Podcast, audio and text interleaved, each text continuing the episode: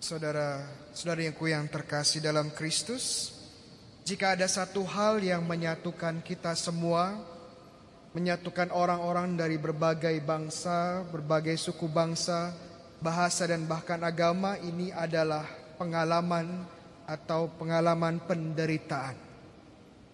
Apalagi sekarang dengan menyebarnya virus corona COVID-19 yang sangat cepat dan sangat cepat menjangkiti banyak orang sehingga kita tidak siap menampung orang-orang sakit. Orang-orang kita semua dari berbagai latar belakang, ya entah itu muda atau tua, entah kaya atau miskin, entah dia itu seorang bangsawan atau seorang rakyat biasa, entah dia itu seorang romo, seorang pastor, seorang frater atau suster dan juga awam.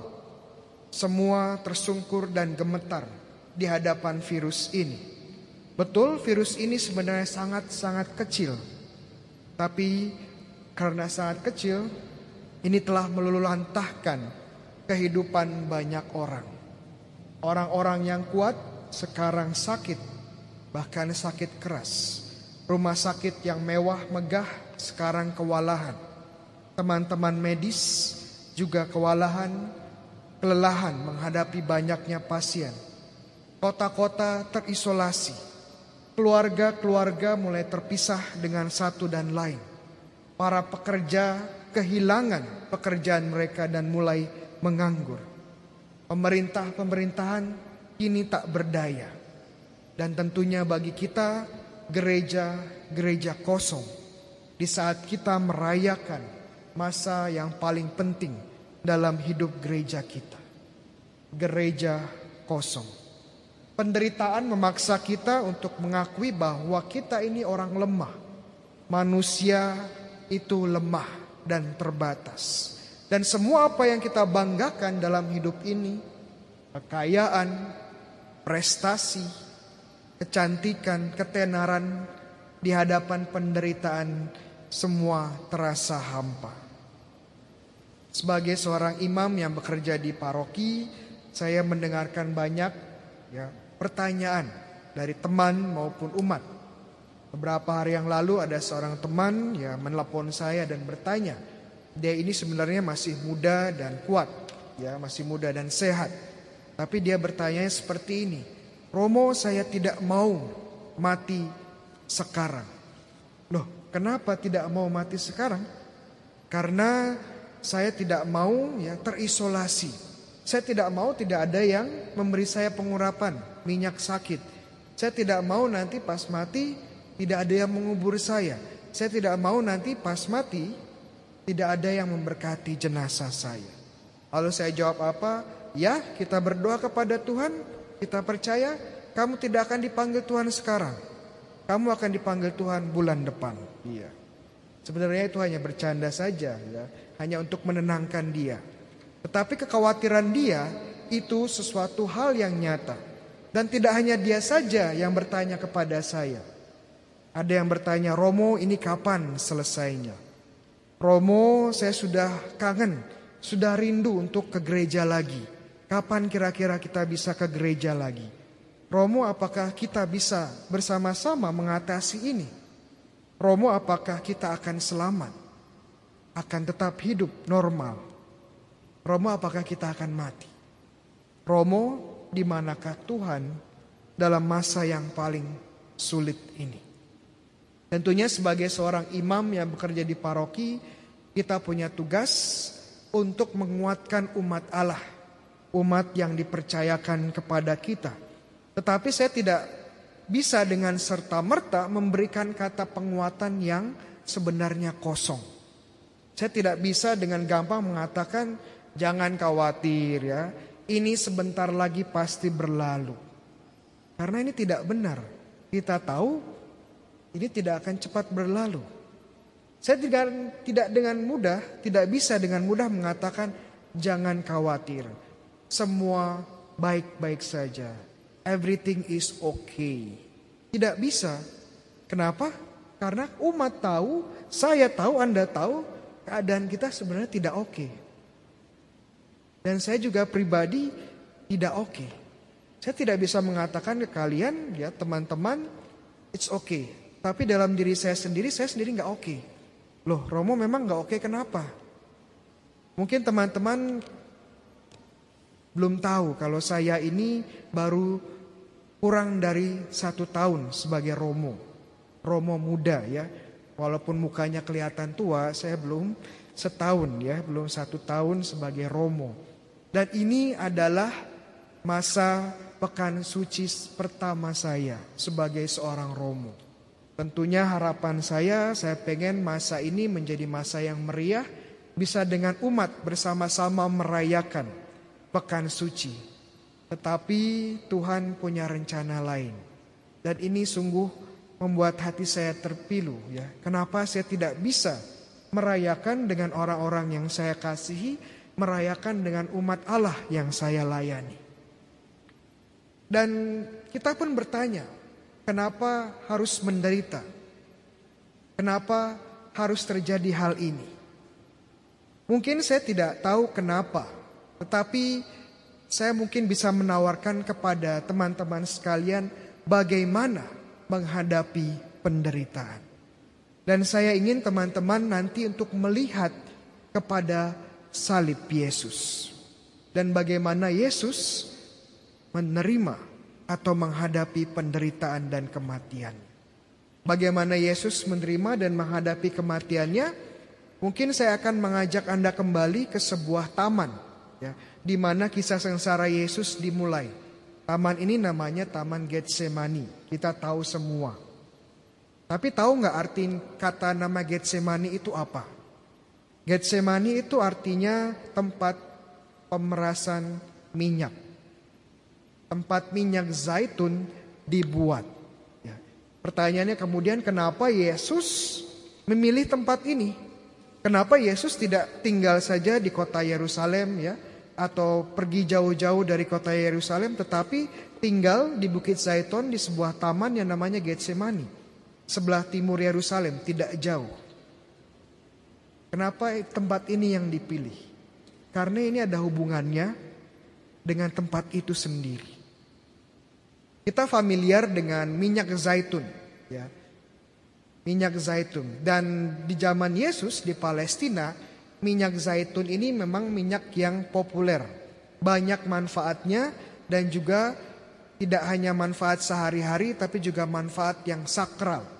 Contoh minyak zaitun bisa dipakai memasak, bisa dipakai sebagai bumbu ya dan juga dipakai untuk penerangan ya sebagai minyak untuk dian. Tetapi minyak zaitun juga mempunyai efek seperti obat, ya, teropat, teropatik efek ya. Jadi kalau orang sakit bisa diurapi dengan minyak zaitun. Praktek yang sama kita lakukan, ya. Pasti kalau perminyakan, ya ada sakramen perminyakan, orang sakit pasti yang dipakai adalah minyak zaitun juga. Karena memang mempunyai efek penyembuhan. Dan selain itu, tidak hanya untuk fungsi sehari-hari, tapi minyak zaitun juga punya fungsi sakral. Apa itu? Ya, menurut buku Bilangan bab 28, bangsa Israel mereka disuruh mempersembahkan kurban bakaran sehari dua kali. Dan Anda tahu apa yang harus dipersembahkan? Pertama, anak domba, kedua, roti tak beragi, ketiga, anggur, dan keempat, minyak zaitun familiar dengan persembahan-persembahan ini anak domba, anggur, roti tak beragi dan minyak zaitun, ya, ini persembahan sama yang kita persembahkan di Ekaristi. Dan tentu saja kita ingat ya, ada yang namanya Mesias. Mesias artinya apa? Mesias artinya yang diurapi. Ini adalah para raja ya seperti Raja Daud diurapi atau seperti imam-imam seperti Harun yang diurapi. Mereka disebut yang terurapi, Mesias. Dan diurapinya juga dengan minyak zaitun. Nah, karena banyak fungsinya, termasuk fungsi kehidupan sehari-hari dan sakral, ya para guru-guru orang Yahudi, para rabi-rabi ya, menurut tradisi kuno, mereka percaya bahwa pohon ya, pohon yang ada di tengah Taman Eden ada berapa? pohon di tengah Taman Eden ada dua ya, dua saja ya. Yang pertama adalah pohon pengetahuan baik ya, akan yang baik dan ya yang benar dan iya. Dan kedua adalah pohon kehidupan. Dan menurut para guru ya, karena fungsi yang berlimpah dari minyak zaitun ini mereka percaya bahwa pohon kehidupan adalah pohon zaitun. Pohon zaitun. Tapi kemudian teman-teman ngerti nggak bagaimana memperoleh minyak zaitun? Ya, bagaimana? Pertama tentunya buahnya dipetik. Tapi setelah dipetik, buah ini harus dihancurkan, digiling dengan batu kilangan yang besar. Ya, ada batu besar bulat, ya, diputar untuk menghancurkan buah zaitun. Nanti kalau sudah jadi bubur seperti bubur, bubur zaitun ini akan diperas ya. Bagaimana proses penghancurannya tidak cukup sekali tetapi harus dua kali supaya minyaknya keluar. Ini Getsemani, tempat zaitun dihancurkan. Yesus ada di sana. Kenapa? Karena Yesus mengerti dia seperti buah zaitun, pohon zaitun dan kalau dia sungguh ingin memberikan kehidupan, dia harus dihancurkan terlebih dahulu. Jika pohon kehidupan ingin memberikan buah yang menghidupkan, buah-buahnya harus dihancurkan terlebih dahulu. Begitu juga Yesus, dia mengerti kalau dia ingin memberikan hidupnya kepada orang lain, kepada kita semua, dia harus dihancurkan terlebih dahulu. Dan inilah yang dilakukan Yesus. Di taman itu dia tahu apa yang akan dialaminya. Dia akan disalib, disiksa, dibunuh, dikhianati, ditinggalkan semua orang yang ia percaya. Semua hal buruk yang bisa kita bayangkan akan dialami Yesus. Dan Yesus sebenarnya punya banyak pilihan. Dia bisa lari. Ya. Dia bisa mengirim satu skuadron ya, malaikat tempur waduh, untuk menghancurkan ya pasukan musuh. Atau dia bisa seolah-olah merasa sakit. Tapi sebenarnya dia tidak merasa sakit ya. Saraf-sarafnya dimatiin. Dia bisa berbuat seperti itu. Tetapi itu tidak dilakukannya. Apa yang dilakukannya? Dia merangkul penderitaannya. Dia merangkul salibnya karena dia tahu hanya dengan merangkul inilah dia dapat berbuah. Berbuah berlimpah memberikan kehidupan. Kehidupan yang berlimpah. Teman-teman terkasih, kalau kita melihat salib, kita melihat bagaimana Yesus memilih menghadapi penderitaannya. Merangkulnya agar sungguh berbuah. Sekarang pertanyaannya teman-teman di kondisi sekarang ini di mana kita menderita, di mana kita susah, pilihan teman-teman mau seperti apa?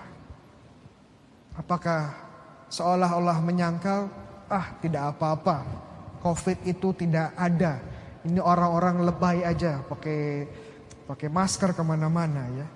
Ataukah teman-teman mulai melarikan diri, melarikan diri menggunakan kecanduan-kecanduan? narkoba, kecanduan seks, kecanduan game, atau teman-teman mulai menyalahkan orang lain. Wah pemerintah ini nggak bener, jumlah pasien nambah terus. Waduh gereja ini gimana sih kok malah ditutup? Kita kan harus berdoa. Atau kita belajar seperti Yesus. Mencoba merangkul sengsara dan penderitaan kita. Dan mencoba membuat ini sebagai suatu kesempatan untuk mencintai lebih dalam. Saudara terkasih benar, saya merasa juga penderitaan, merasa tidak enak, merasa hati saya pilu karena tidak bisa merayakan perayaan kudus ini bersama teman-teman yang ada di rumah, tidak bisa bersama-sama merayakan pekan suci dengan uh, dengan agung, dengan meriah, dengan meriah, tetapi saya percaya bahwa Tuhan juga punya rencana yang lebih baik. Dengan ini saya diajak untuk lebih tenang, untuk lebih memberikan diri pada permenungan dan untuk menyatukan diri dengan sengsara Yesus. Kalau saya mungkin tidak ada hal ini, kalau tidak bisa tenang mungkin refleksi saya tidak akan sedalam ini. Tapi Tuhan memberikan kesempatan saya untuk lebih tenang, untuk merasakan penderitaan dan membuatnya menjadi lebih berbuah. Amin.